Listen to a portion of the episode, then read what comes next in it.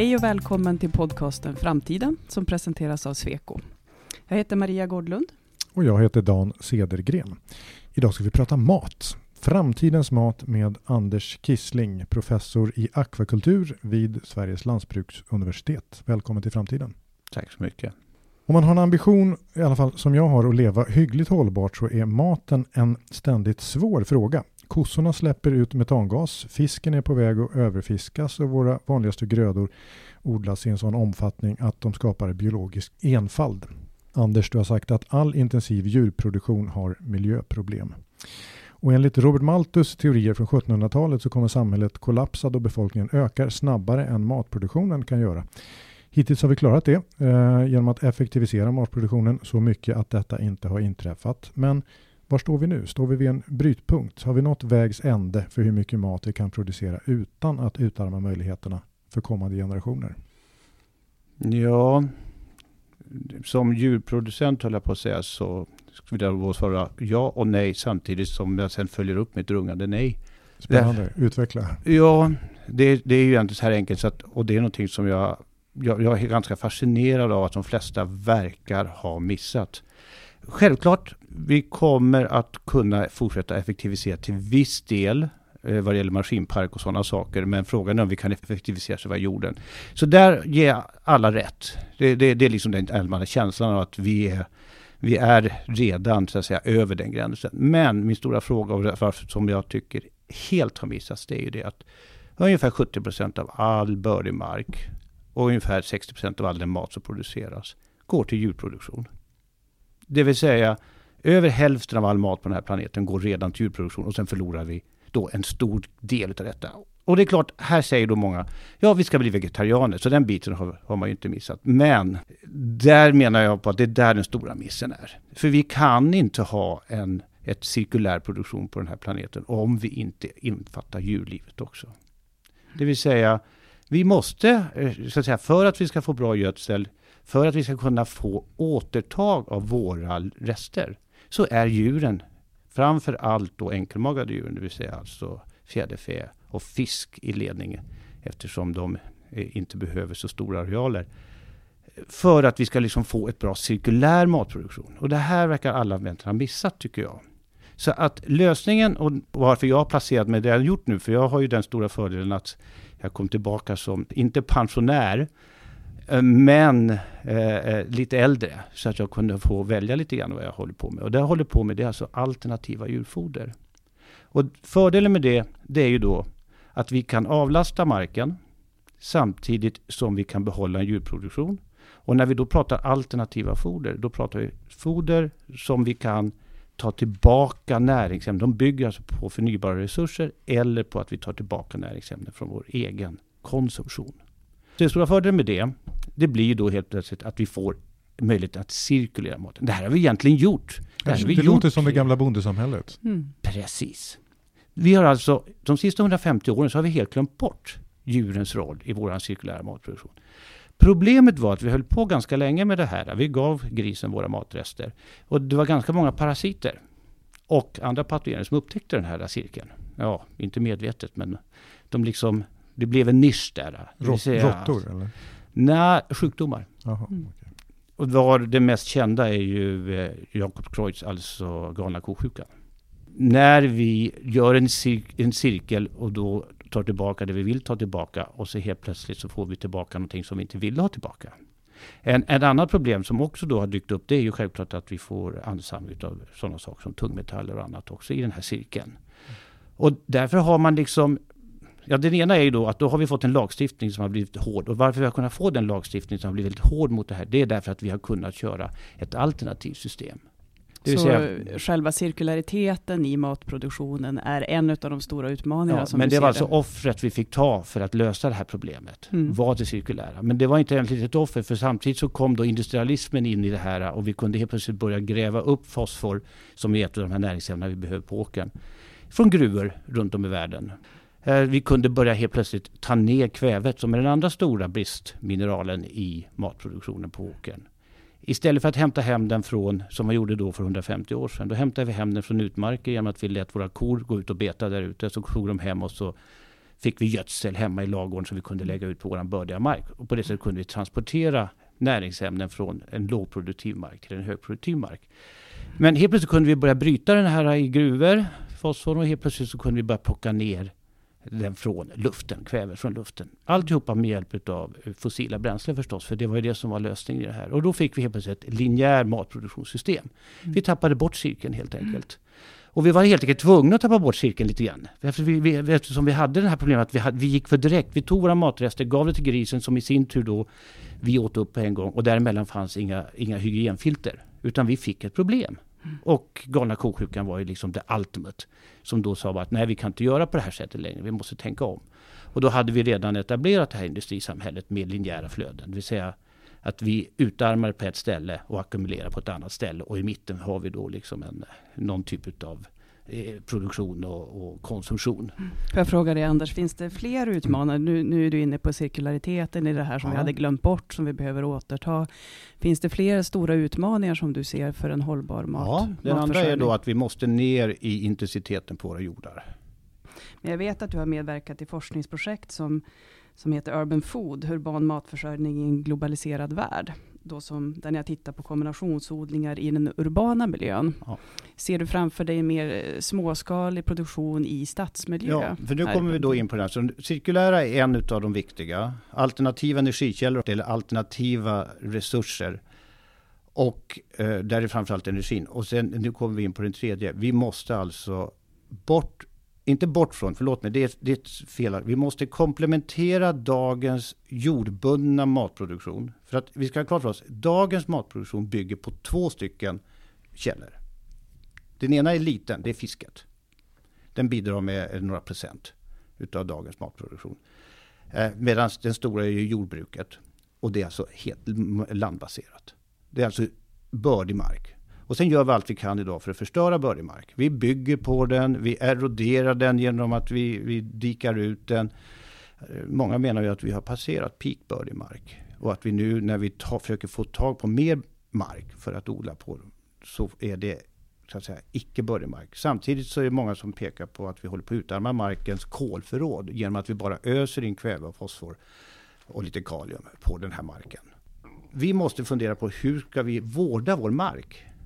Och kan vi fortsätta att lägga hela framtidens matproblem? För fisket kommer inte att kunna lösa vårt problem. När jag växte upp på 70-talet, så att säga, då var forskarna övertygade om att framtidens lösning på matproblemet, det är att vi kommer fiska neråt i haven. Där finns oändliga resurser utav bläckfiskar, mikroalger och så vidare. och så vidare. Det har visat sig att det höll inte.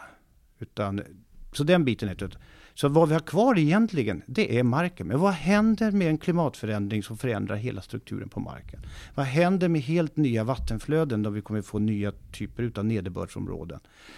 Eh, kan vi verkligen stanna kvar vid en enda möjlighet att skapa mat på den här jorden?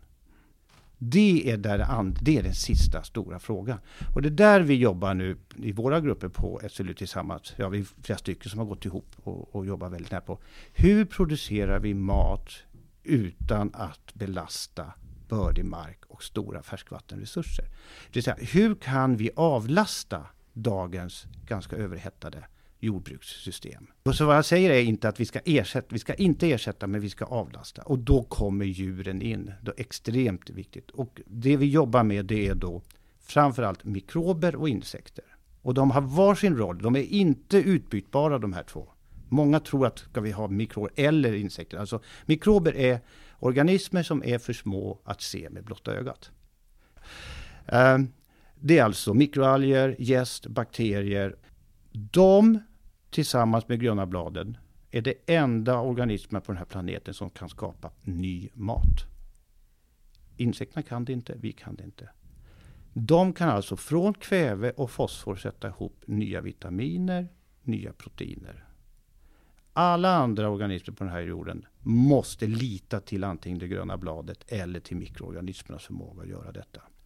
Och där kommer insekterna in. För insekterna är fantastiska på att omvandla lågvärdigt protein, alltså protein som inte har speciellt hög näringsvärde för oss, till protein av väldigt högt näringsvärde.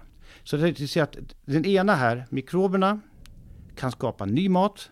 Insekterna kan återvinna dålig mat till bra mat eller dåliga näringsämnen.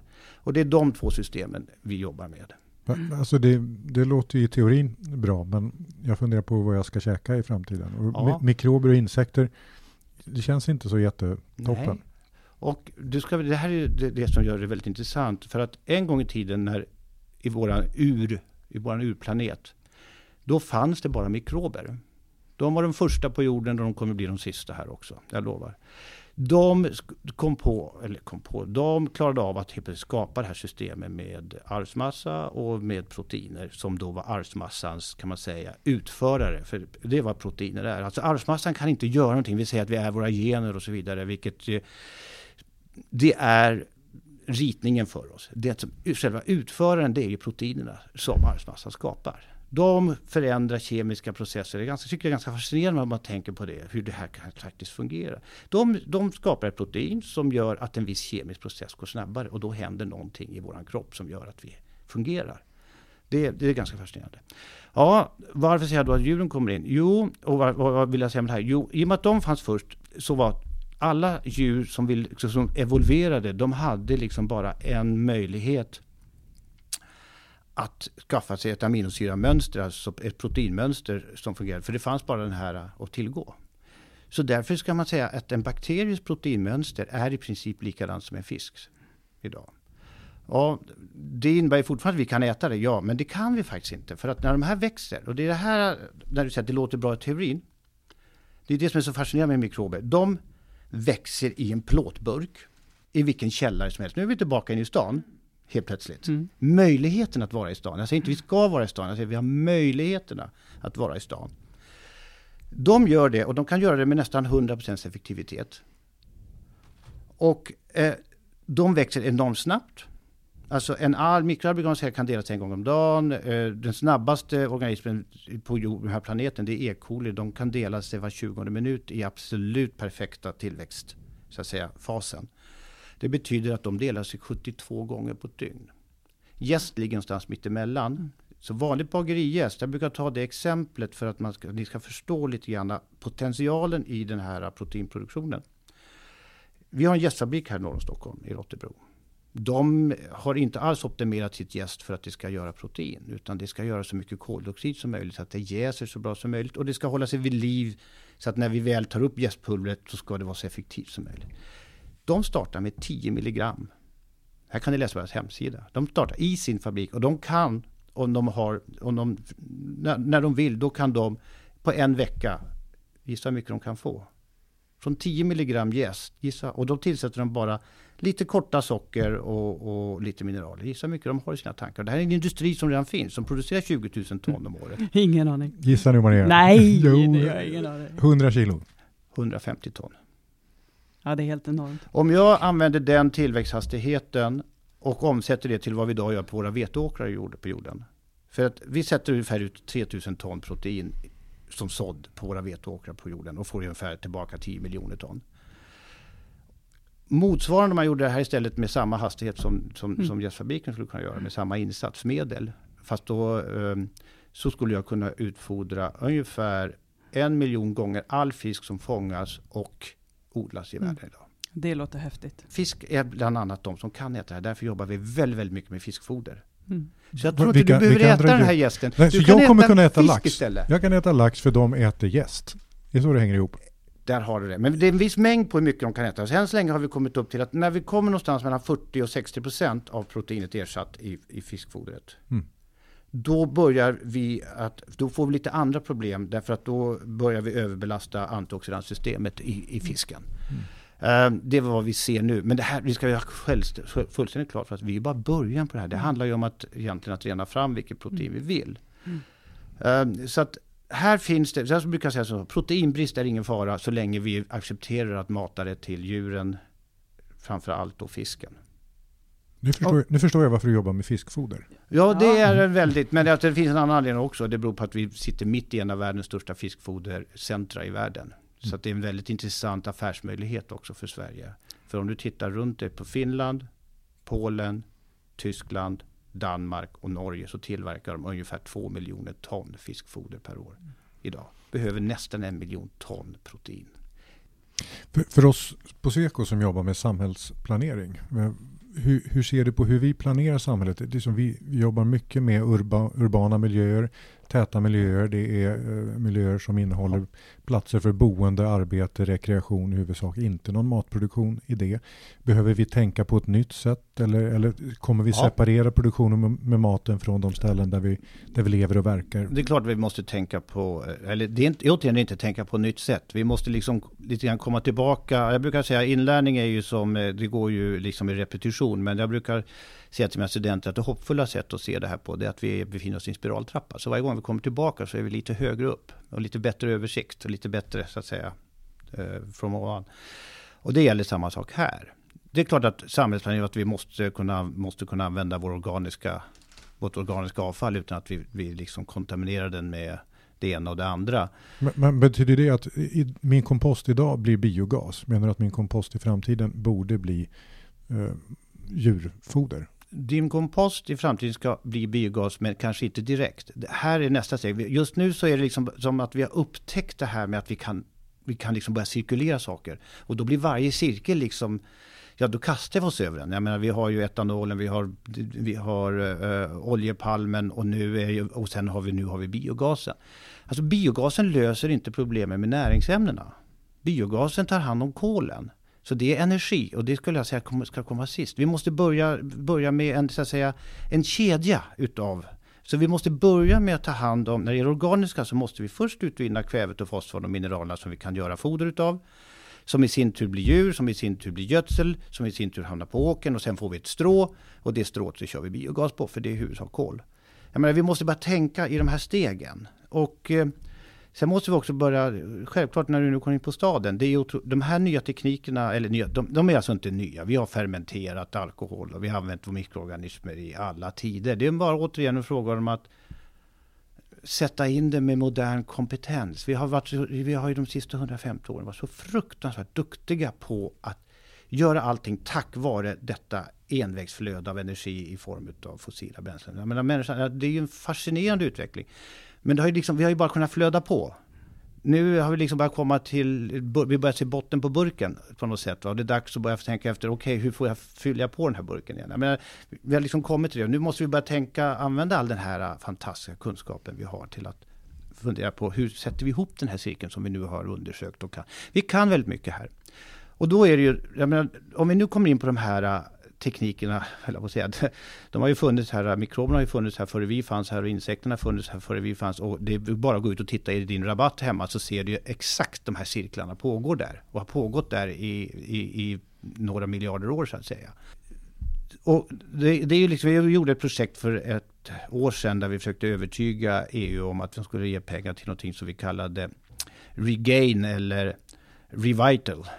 Det vill säga mark där vi inte kan producera mat längre skulle vi använda till att kunna producera mat fast med de här te teknikerna. Alltså mm. Med mm. mikrobiella, med insekter, med hjälp av att eh, köra vattenbruk till exempel. Om vi tar de gamla eh, torvmossarna på Irland, de, där man har haft torvbrytning. De är liksom, det går inte att göra någonting utav dem. Eller de saltängarna där vi har liksom där vi har, har, får in eh, saltvatten från havet där vi försöker vinna tillbaka mark. Där kan vi, där kan vi ha eh, fiskodling, där kan vi producera fjäderfä, där kan vi producera, alltså sånt som inte kräver mark. Mm. Anders, vi har ju pratat en hel del nu om hur maten produceras. Vi, vi, som konsumerar och som konsument har väl också ett ansvar, tänker jag. Då. hur, hur ska man tänka för att äta både hälsosamt och hållbart?